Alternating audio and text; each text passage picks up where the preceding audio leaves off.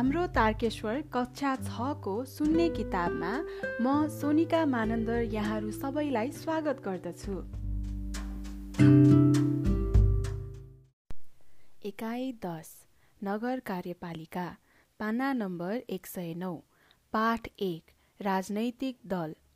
देशलाई सकारात्मक रूपमा सामाजिक आर्थिक रूपान्तरण गर्न समान विचार र सोच भएका मानिसहरूको समूहद्वारा गठन भएको राजनैतिक संस्था नै राजनीतिक दल हो। यिनीहरू आफ्नो गतिविधि गतिविधि सञ्चालन गर्नका लागि निर्वाचन आयोगमा विधिवत रूपमा दर्ता भएको हुनुपर्दछ। निर्वाचन आयोगमा दर्ता भएका दलले मात्र स्वतन्त्र रूपमा आफ्नो कार्यक्रमहरू जनता समक्ष राख्न पाउँदछन्। निर्वाचन आयोगमा दर्ता नभएका दलहरूको संवैधानिक हैसियत हुँदैन। उनीहरूका गतिविधि एक स्वतन्त्र व्यक्ति सरह हुन्छ। राजनैतिक दलले आफ्नो दल दर्ता गरिसकेपछि मात्र दलीय हैसियतमा हैसियतमा निर्वाचनमा भाग लिन पाउँछन्।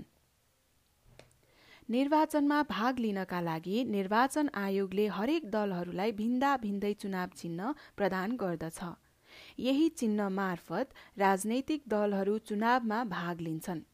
फरक फरक राजनैतिक दलको फरक फरक चुनाव चिन्ह मध्ये आफूसँग विचार मिल्ने दललाई जनताले मतदान गर्दछन्। राजनैतिक दलको मुख्य उद्देश्य नै समाजको सकारात्मक रूपान्तरणमा केन्द्रित हुनु हो।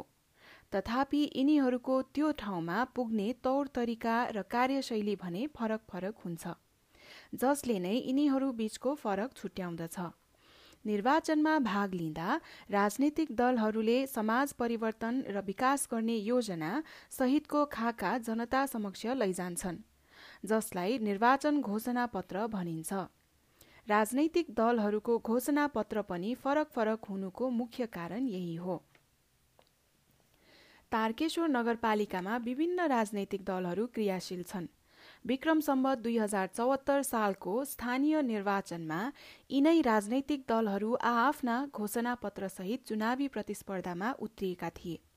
चुनावी घोषणा पत्रमा दलहरूले समाजलाई रूपान्तरण गर्ने विधि र प्रक्रिया उल्लेख गरेका हुन्छन्। क्रियाकलाप एक तारकेश्वर नगरपालिकामा गत निर्वाचनमा सहभागी भएका राजनैतिक दलका घोषणापत्र खोजी शिक्षा र स्वास्थ्यको सम्बन्धमा उनीहरूले गरेका प्रतिबद्धता कपीमा सार्नुहोस्। अभ्यास छ पान्ना नम्बर एक सय दसमा एक छोटो उत्तर दिनुहोस्। क राजनैतिक दल केलाई भनिन्छ? ख राजनैतिक दल कहाँ दर्ता भएका हुन्छन्? ग राजनैतिक दलको मुख्य उद्देश्य के हो? घ सबै राजनैतिक दलका घोषणापत्र किन एउटै हुँदैनन्? ङ चुनावी घोषणापत्रमा खास गरी के के कुरा समेटिएका हुन्छन्? च चुनावी घोषणापत्र भनेको के हो?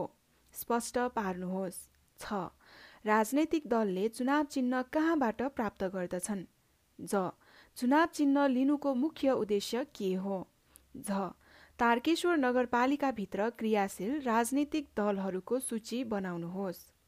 र यसका साथै एकाइ दसको पाठ एकको अन्त्य पान्ना नम्बर एक सय दसमा भएको छ। म सोनिका मानन्दर आज तपाईँहरूसँग यही बिदा माग्दछु। धन्यवाद।